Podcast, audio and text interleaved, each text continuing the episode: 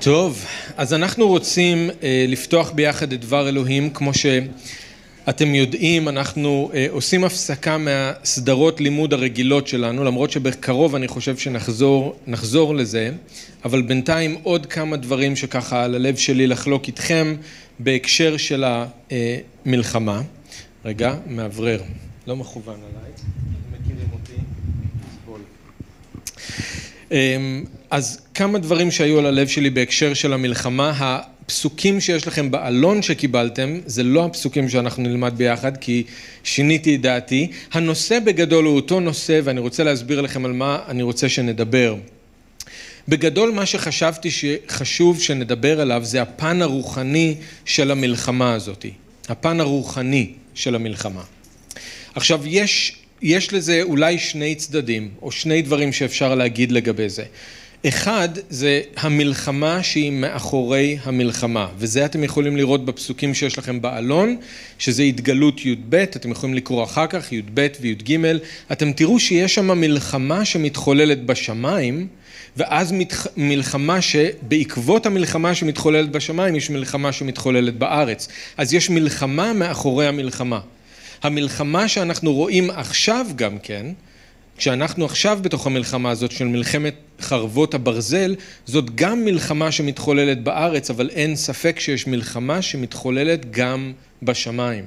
אז יש מלחמה מאחורי המלחמה, המלחמה הרוחנית שיש. אז לא על זה נדבר הערב. הדבר השני שאני כן רוצה שנדבר עליו זה המלחמה שהיא בצל המלחמה. המלחמה שהיא בצל המלחמה. למה אני מתכוון?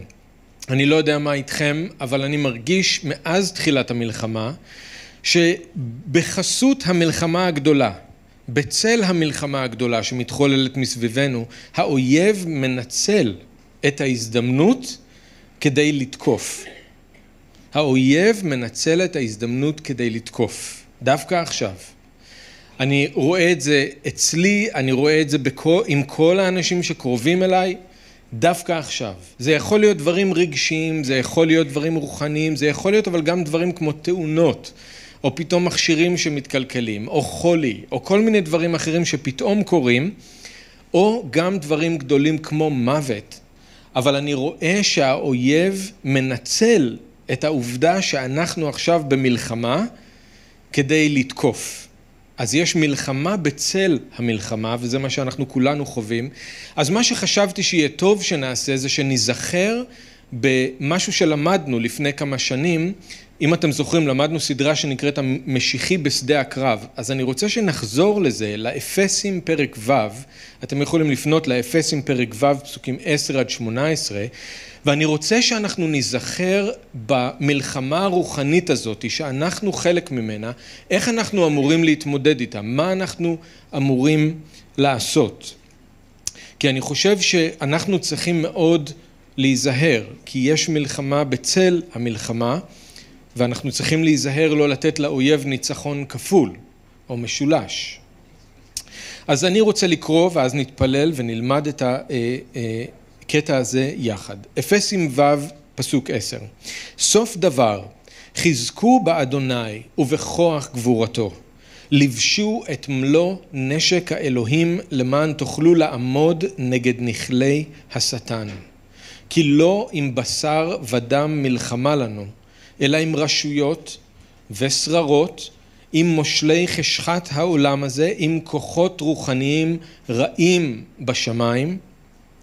על כן קחו את מלוא נשק האלוהים, למען תוכלו להתנגד ביום הרע ולעמוד לאחר עשותכם את הכל.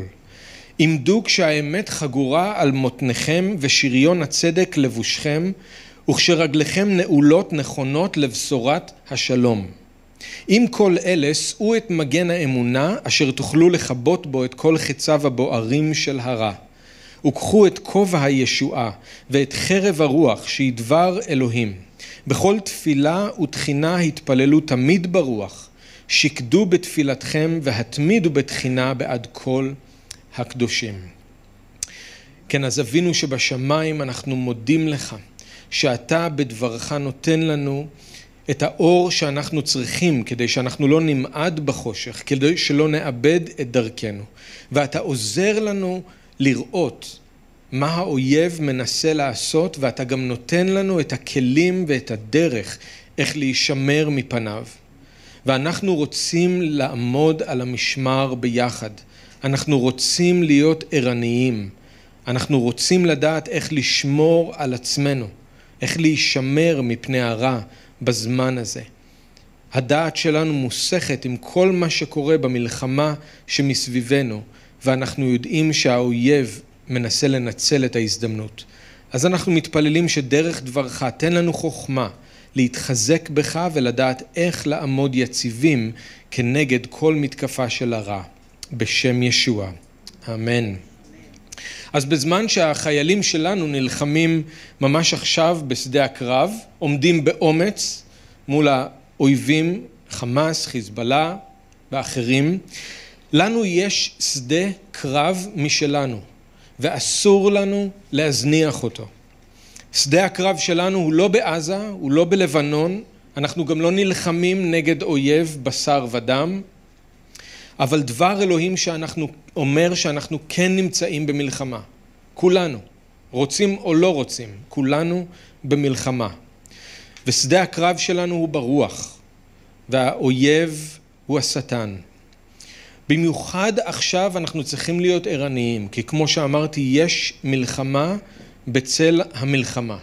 האויב מנצל את העובדה שאנחנו מטולטלים מכל מה שקורה כדי לפגוע בנו דווקא עכשיו, והוא עושה את זה בכל מיני דרכים, כמו שאמרתי. זה, את, אתם חייבים להבין שזה הדבר הכי הגיוני, זה לא צריך להפתיע אותנו. אויב מחכה לרגעים בדיוק כאלה כדי לתקוף, זה לא צריך להפתיע אותנו, זה בדיוק מה שקורה עכשיו.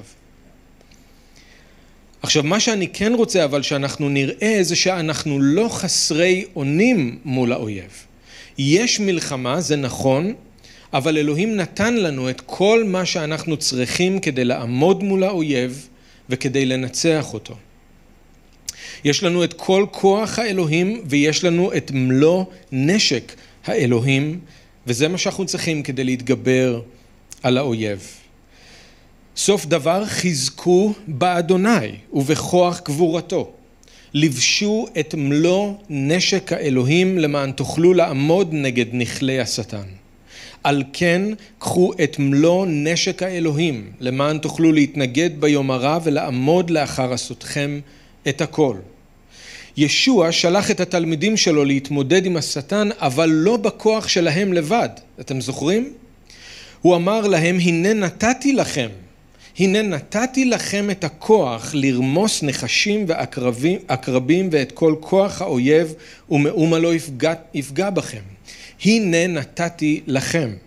וכאן שאול גם אומר, אלוהים נתן לכם את הכוח.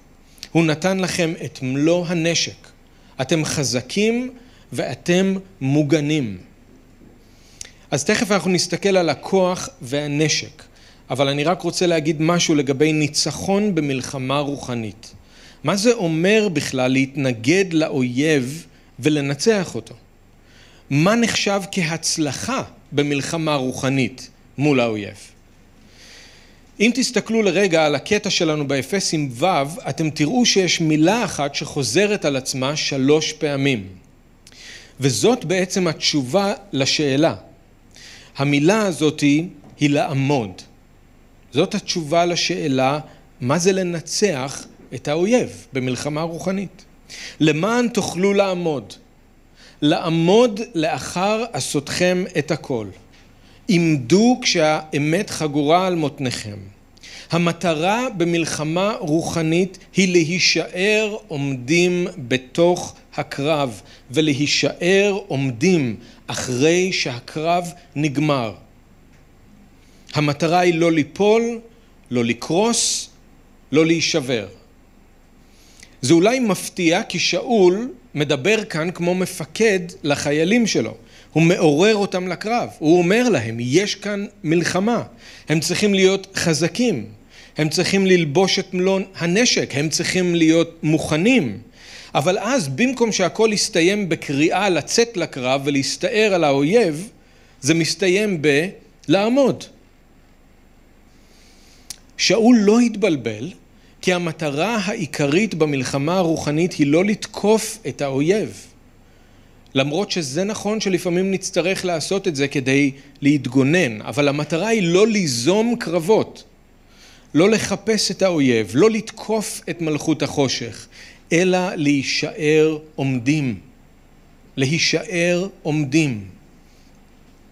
הסיבה שאנחנו לא צריכים לחפש את האויב זה כי הוא תמיד מחפש אותנו.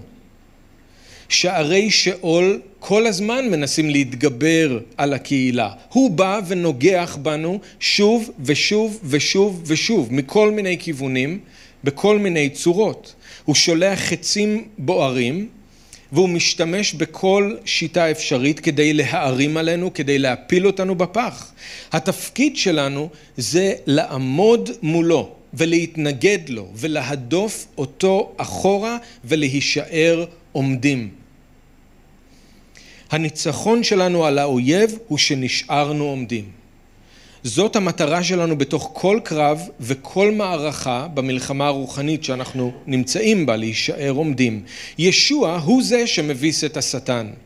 הוא זה שהתגבר על האיש החזק, הוא זה שהפשיט את עוצמת הרשויות והשררות בצלב, הוא זה שגם ישליך את השטן בסוף אל אגם האש. זה לא התפקיד שלנו. אנחנו צריכים להתנגד ביום הרע ולהישאר עומדים אחרי שעשינו הכל. אנחנו לא כובשים שטח חדש, אנחנו שומרים על מה שכבר נכבש. זאת התמונה. ישוע לא שלח אותנו למבצע צבאי נגד מלכות החושך.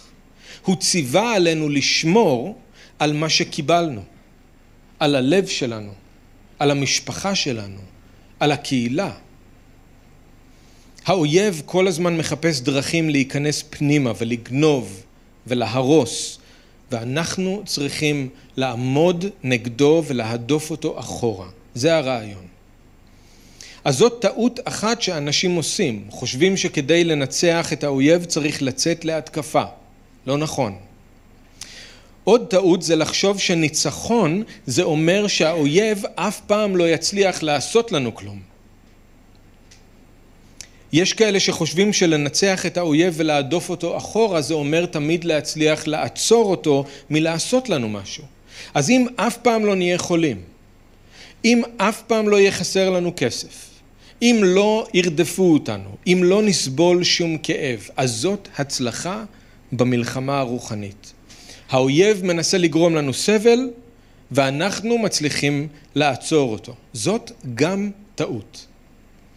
אנחנו מנצחים את האויב לא בזה שהשיטפונות אף פעם לא באים והרוחות לא הולמות בבית, אלא בזה שהשיטפונות, אחרי שהם באו והרוחות הלמו בבית, הבית שלנו נשאר עומד והאמונה שלנו לא נפגעה. ישוע, אם אתם זוכרים, אמר לנו מראש, בעולם יהיו לנו צרות. אי אפשר שהמכשולים לא יבואו. ירדפו אותנו כמו שרדפו את הנביאים שהיו לפנינו. יהיו מלחמות ושמועות מלחמה. זה מה שישוע אמר לנו.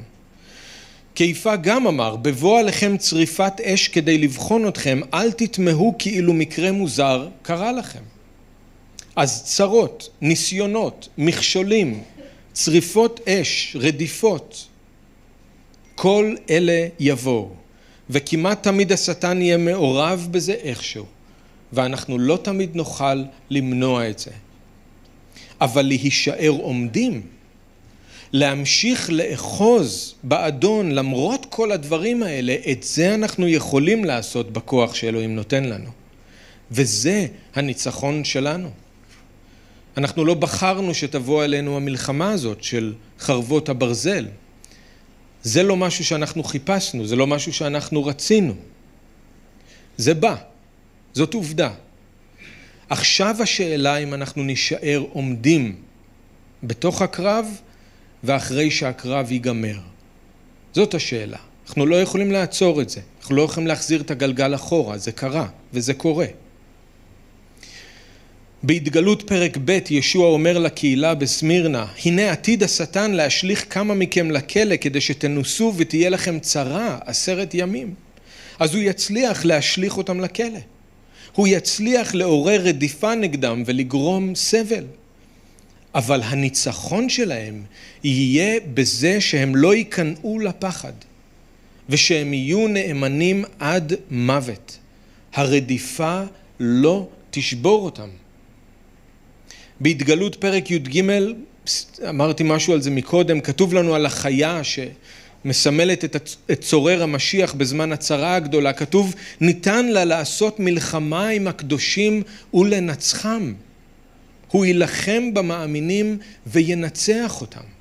זה ניתן לו, הוא ינצח. אבל כתוב שהם יתגברו על האויב בדם ישוע ובדבר עדותם והניצחון שלהם יהיה שהם לא אהבו את נפשם עד מוות. האמונה שלהם תהיה יותר חזקה מהרצון שלהם לחיות והם לא יישברו. זה הניצחון. תחשבו על שאול, הוא לא הצליח לעצור את השטן מלפגוע בו. הוא היה צריך לסבול את הקוץ בבשר למשך כל ימי חייו. הוא התפלל אל האדון, הוא ביקש רפואה, אבל האדון סירב, והוא הרשה לשטן לגרום לשאול סבל. אבל באותו זמן, יחד עם זה, הוא גם נתן לשאול חסד, כדי שהוא יוכל לעמוד בסבל. די לך בחסדי, כי בחולשה תושלם גבורתי. זה ששאול נשאר עומד באמונה למרות הקוץ בבשר, זה הניצחון. יש הרבה מאוד אנשים שברגע שהם מקבלים את הקוץ בבשר, מתפללים שלוש פעמים, אלוהים לא ריפא אותי, אני אומר להתראות לאדון. זה לא ניצחון. זה לא ניצחון. הניצחון הוא שאני לא עוזב את האדון. בתוך הסבל אני נשאר עומד. אז לנצח במלחמה הרוחנית זה לא לברוח מקושי, אלא להישאר עומדים בתוך הקושי. להישאר עומדים בתוך הסבל. להישאר עומדים בתוך החולי. להישאר עומדים בתוך האבל. זה ניצחון. השטן מנסה בכל הכוח לשבור את האמונה שלכם ושלי. הוא מנסה בכל הכוח לגרום לנו לוותר ולהרים ידיים. הוא מנסה בכל הכוח לגרום לנו לשנוא את אלוהים. בכל הכוח הוא מנסה לגרום לנו לשנוא את אלוהים, ובמיוחד בימים האלה הוא מנסה להכאיב לנו, להעציב אותנו, להפחיד אותנו, אבל אם הוא לא יצליח בסוף לשבור, לשבור את האמונה שלנו, אז לא משנה מה הוא כן הצליח לעשות, הוא הפסיד, והניצחון שלנו. אז זה לגבי מה זה בכלל לנצח במלחמה רוחנית. עכשיו בואו נגיד משהו על מה שאלוהים נותן לנו כדי שנוכל לנצח. אז אמרנו שהוא נותן לנו שני דברים, את הכוח שלו ואת הנשק שלו. אז יש לנו את הכוח של אלוהים, התחזקו באדוני ובכוח גבורתו. השטן הוא אויב חזק. אתם יכולים לחזור אחורה לסדרה שעשינו אז על מלחמה רוחנית, אין יצור יותר חזק ממנו בעולם, אין. הוא אל העולם הזה. שאול מדבר על רשויות ושררות, מושלי חשכת העולם הזה, כוחות רוחניים רעים בשמיים, החצים הבוערים של הרע. השטן הוא אויב חזק. ואם אלוהים מאפשר לו, כמו בסיפור של איוב, אם אתם זוכרים, אז הוא יכול לקחת את כל המשאבים של העולם הזה ולבוא נגדנו. והוא לא רק אויב חזק, הוא גם אויב מתוחכם. שאול מדבר פה על נכלי השטן.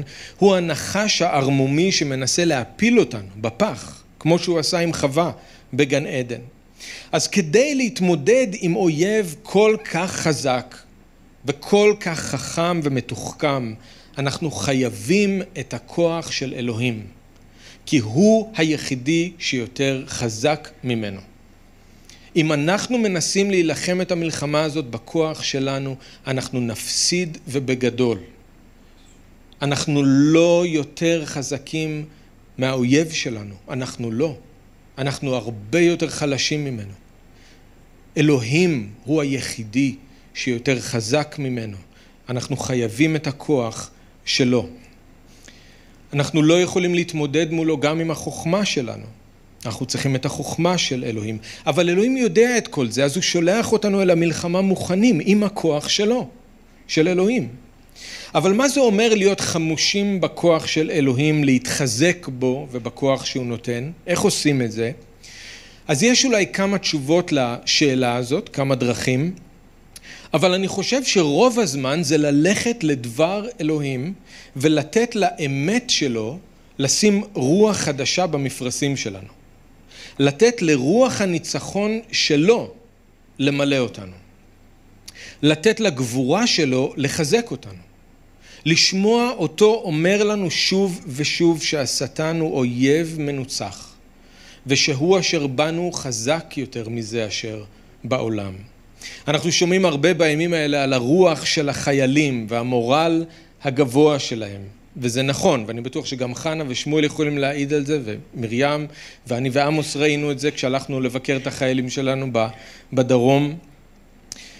לפעמים, אתם יודעים, חיילים בשדה הקרב הם מתייאשים ומפסיקים להילחם, אבל לא כי האויב הכניע אותם, אלא פשוט כי הם איבדו את רוח הלחימה.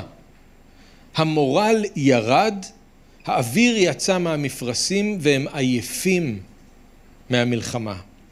אבל מה שמדהים זה שהרבה פעמים כל מה שצריך זה כמה מילות עידוד מהמפקד שלהם. ופתאום הם מתעוררים לחיים, והם ממשיכים להילחם בכל הכוח. וככה אני חושב שזה גם איתנו. כדי שנמשיך לעמוד בקרב, כדי שלא נרים ידיים, אנחנו צריכים קודם כל לשמוע מה המפקד שלנו שיושב בחדר המלחמה, מה הוא אומר לנו. אז אולי הוא אומר משהו כזה, נכון שעכשיו יש לכם צרות, אבל אני כבר ניצחתי את העולם. השטן מנסה בכל הכוח שנשאר לו להילחם בכם, אבל אני ראיתי אותו נופל כברק מן השמיים. נכון שיש לו כוח, אבל אני כבר גברתי על האיש החזק ופירקתי אותו מנשקו. אני כבר הפשטתי את עוצמת הרשויות והשררות. על הסלע הזה אני אבנה את קהילתי ושערי שאול לא יגברו עליה. תזכרו שאלוהים איתכם ואף אחד לא יכול לעמוד נגדכם. תזכרו שאני מתפלל עבורכם כל הזמן, ישוע אומר. תזכרו שהרוח מפגיעה בעדכם תמיד כרצון אלוהים. תזכרו שבי כל הבטחות האלוהים הן כן ואמן. תזכרו שיש לכם ענן עדים כזה שעוטף אתכם של כל אלה שכבר נלחמו את המלחמה הטובה, כבר סיימו את המרוץ ושמרו את האמונה והם עכשיו כאן איתי. הם עשו את זה וגם אתם יכולים.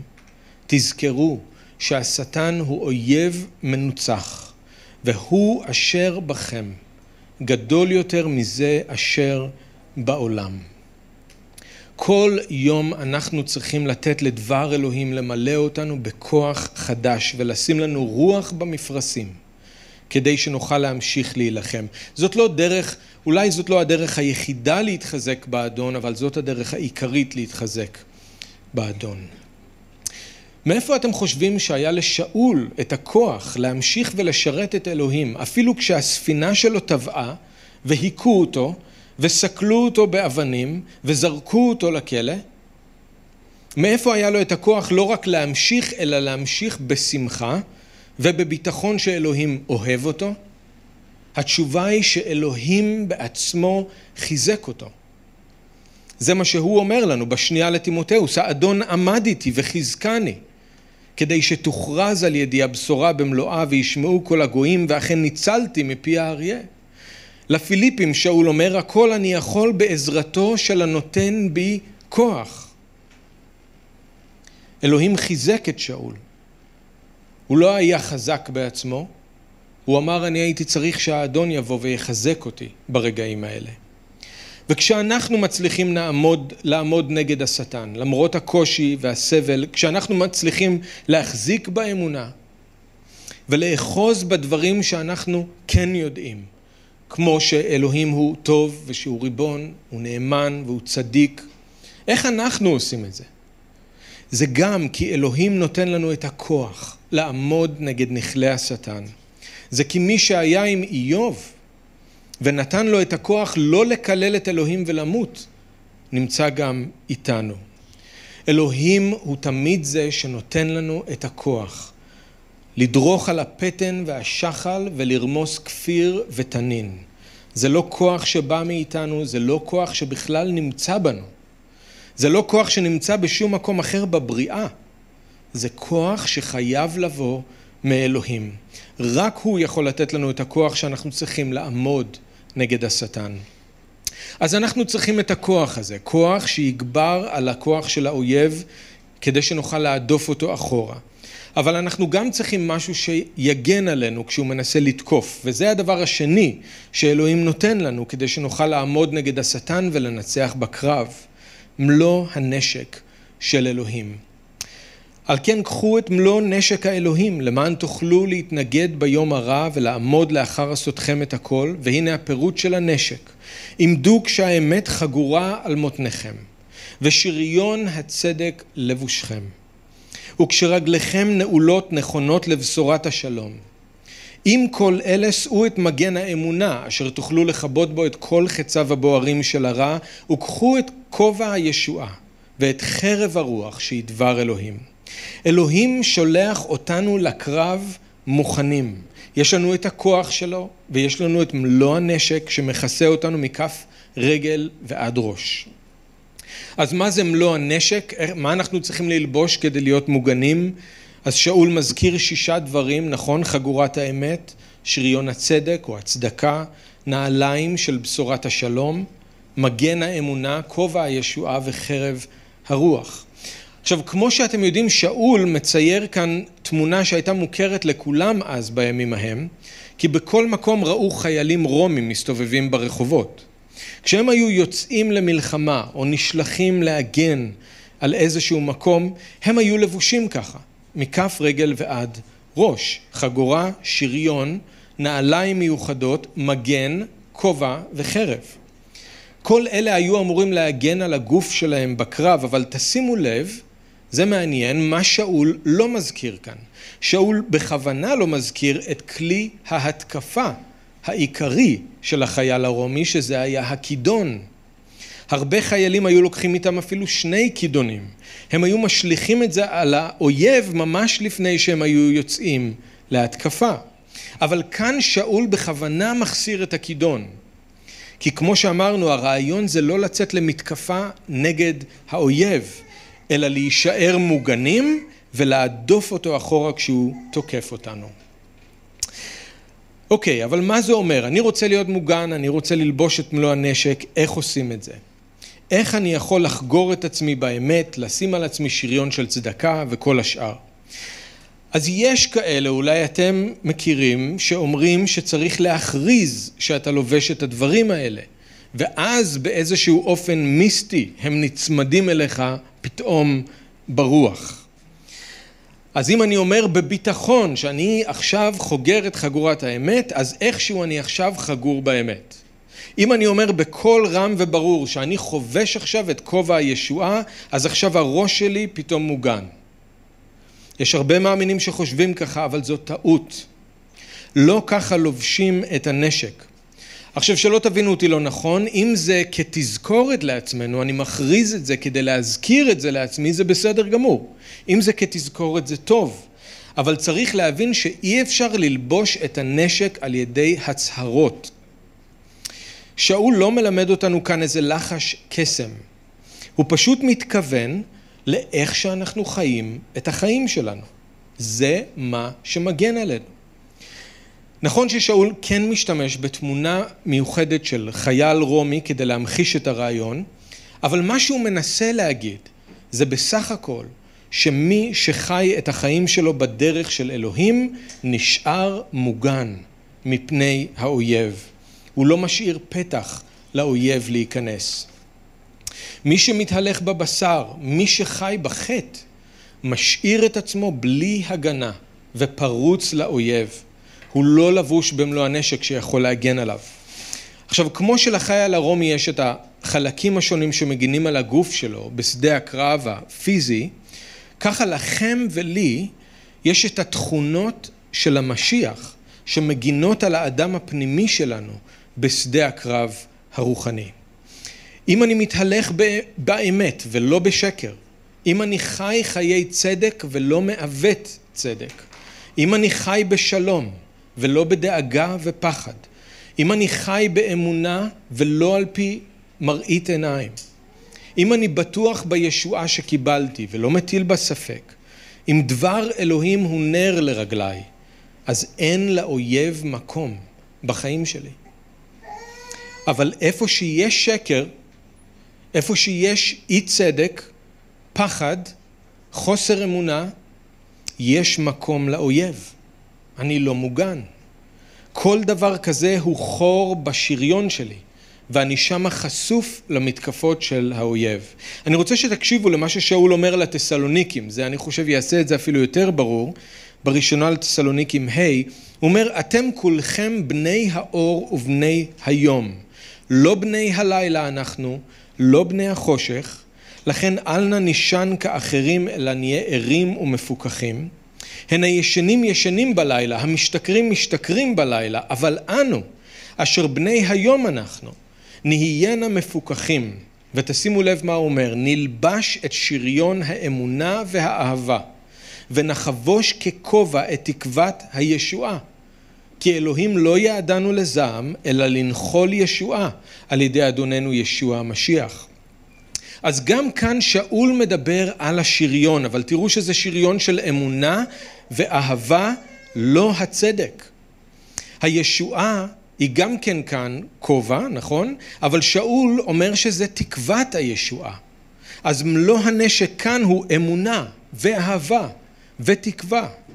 אז התמונה משתנה, אבל זה אותו רעיון. תקשיבו למה הוא אומר, או משהו עוד לפני זה. החיים ששאול מתאר כאן, שהם על פי הדרך של אלוהים, זה מה שמגן עלינו מפני האויב.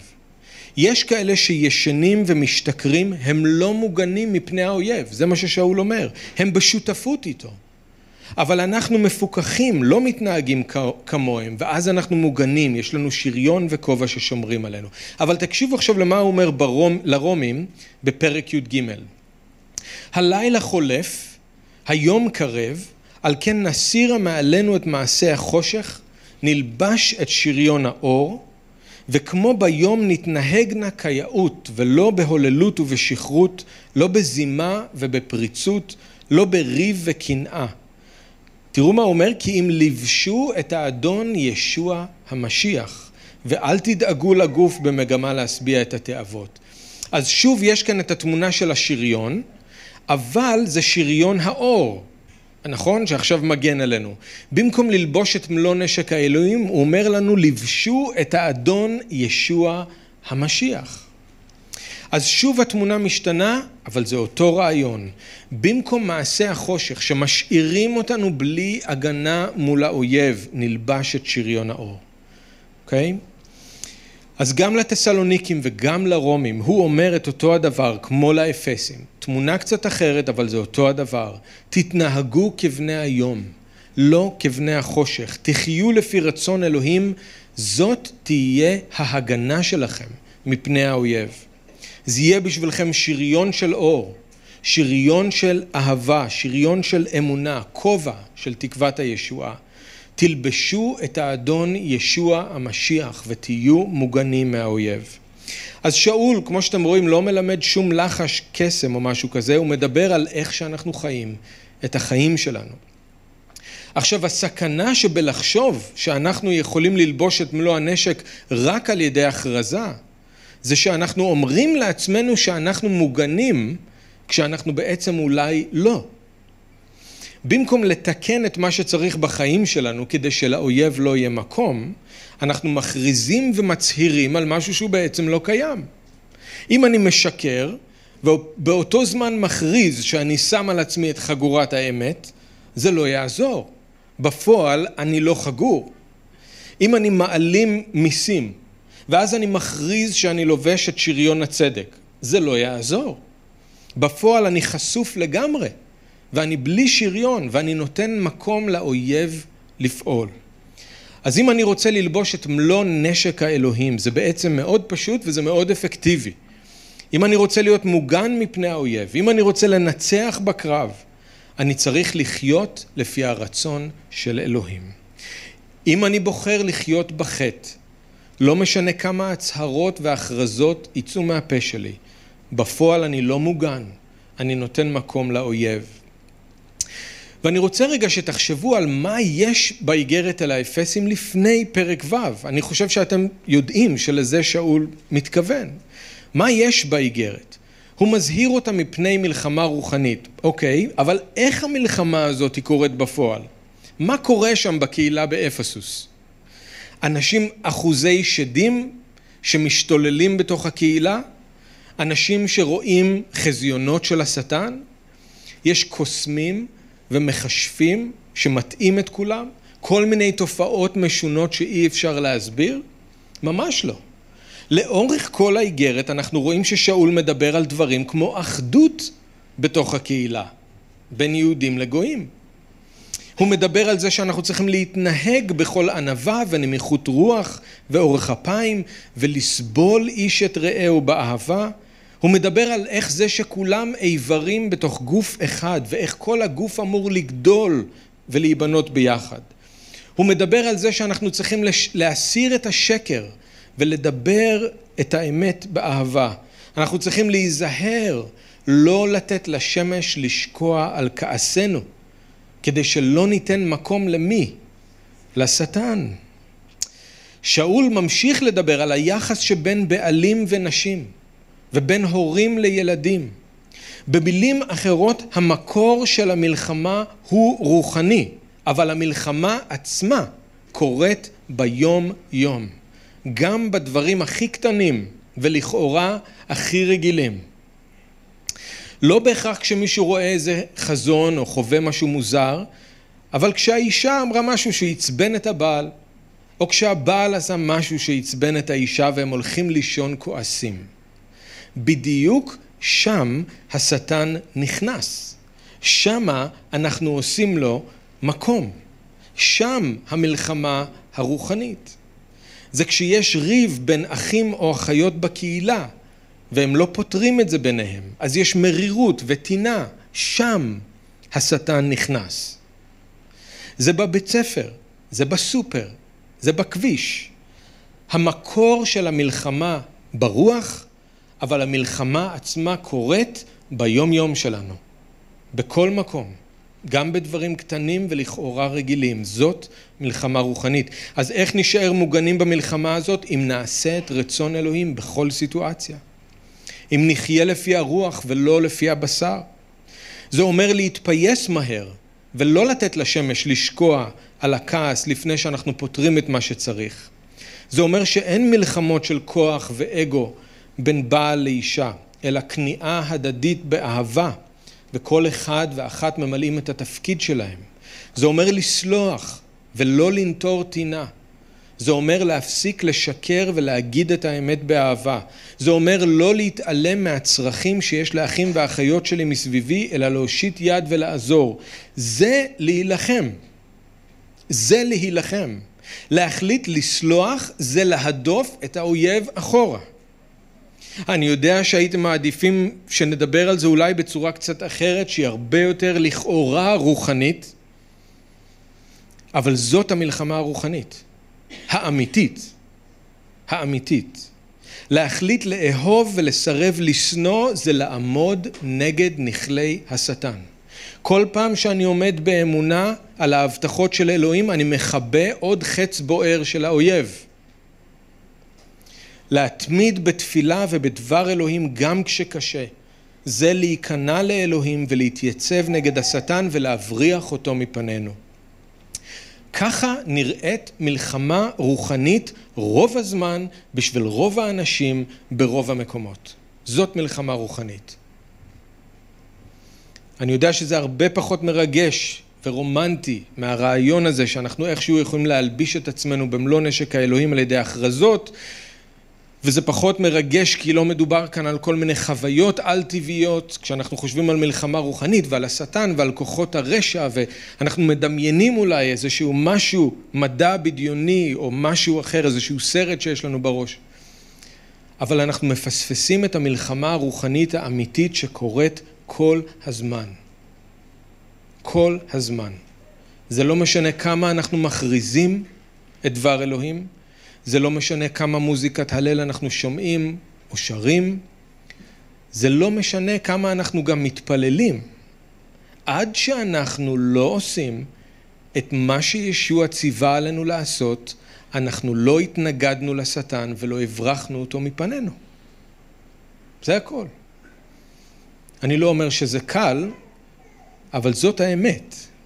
לא לחש קסמים שמלביש אותנו ברגע באיזה שריון פלא, החלטות קטנות של כל יום לעשות את רצון אלוהים. אם כל יום נלבש את המשיח, ניקח על עצמנו את ההתנהגות שלו, את המחשבה שלו, את הלך הרוח שלו, ועם זה נצא לעולם, אלוהים מבטיח שנישאר מוגנים מפני האויב. ושוב, מוגנים זה לא אומר שלא יהיו פיתויים, או שלא ירדפו אותנו, או שלא יהיה קוץ בבשר. זה אומר שאנחנו נצליח לעמוד נגד הפיתוי, ושהרדיפה לא תרסק את האדם הפנימי שבתוכנו, והקוץ בבשר לא יגרום לאמונה שלנו לקרוס. אני אוכל להתנגד ביום הרע ולעמוד לאחר עשותי את הכל, כי לבשתי את שריון האמונה והאהבה והאור והצדק, לבשתי את המשיח ישוע, את מלוא נשק האלוהים. רק ככה אני יכול להתנגד ביום הרע. אנחנו עכשיו, אני לא צריך לחזור על זה שוב ושוב, עוברים תקופה קשה מאוד, כעם, כמדינה. אנחנו בשעה של מלחמה, מלחמה צודקת, מלחמה שהיא כואבת מאוד נגד האויבים שלנו, ואני יודע שכולנו מרגישים את העוצמה של הזעזוע, אנחנו כולנו מנסים איכשהו לעכל את כל מה שקורה. אבל אני גם חושב שאנחנו חייבים לזכור שיש מלחמה בצל המלחמה ואנחנו חייבים לעמוד על המשמר. האויב מנצל את הטלטול הזה שאנחנו חווים עכשיו כדי לעשות עוד יותר נזק, כדי לזעזע אותנו יותר, כדי להפיל אותנו מהיציבות שלנו באדון. זה הזמן המושלם מבחינתו לשלוח שועלים קטנים שיחבלו בכרם. אז אנחנו חייבים לעמוד על המשמר, חייבים להיות ערניים ולהדוף אותו אחורה. להיות בתפילה, להיות בדבר אלוהים, לא להזניח את ההתחברות עם אחים ואחיות ולנצור את הלב שלנו מכל משמר. בזמן שהצבא נלחם בשדה הקרב שלו, לנו יש את שדה הקרב שלנו. אז בואו נתחזק באדוני ובכוח גבורתו. בואו נלבש את מלוא נשק האלוהים וננצח את האויב ביחד. אמן. כן, אבינו, אנחנו מודים לך שאתה שולח אותנו אל המלחמה מוכנים. אתה נותן לנו את הכוח שלך, אתה נותן לנו את הנשק שלך. אנחנו מבקשים שתעזור לנו, שהלב העיקש ייכנע סוף סוף אליך, ושנבחר להתחזק באדוני ובכוח גבורתו, ולא לנסות להתחזק בעצמנו, לא לנסות להתחזק בכוח של מישהו אחר. אנחנו מבקשים שתעזור לנו לקחת על עצמנו יום יום את מלוא הנשק שנתת לנו, את המשיח ישוע. אדון ישוע, תעזור לנו לקחת על עצמנו את ההתנהגות שלך, את המחשבה שלך, את הרגשות שלך, ועם זה לצאת לעולם. אנחנו לא רוצים לתת לאויב לנצח במלחמה שבצל המלחמה. אנחנו רוצים להישאר עומדים בתוך הקרב. אנחנו רוצים לדעת איך להתחזק בשביל עצמנו, ואיך להיות חזקים גם בשביל אלה שמסביבנו. אז אנחנו מודים לך שאתה טוב ונאמן לשמוע את תפילתנו ולפעול בחיינו כטוב בעיניך. בשם ישוע. אמן.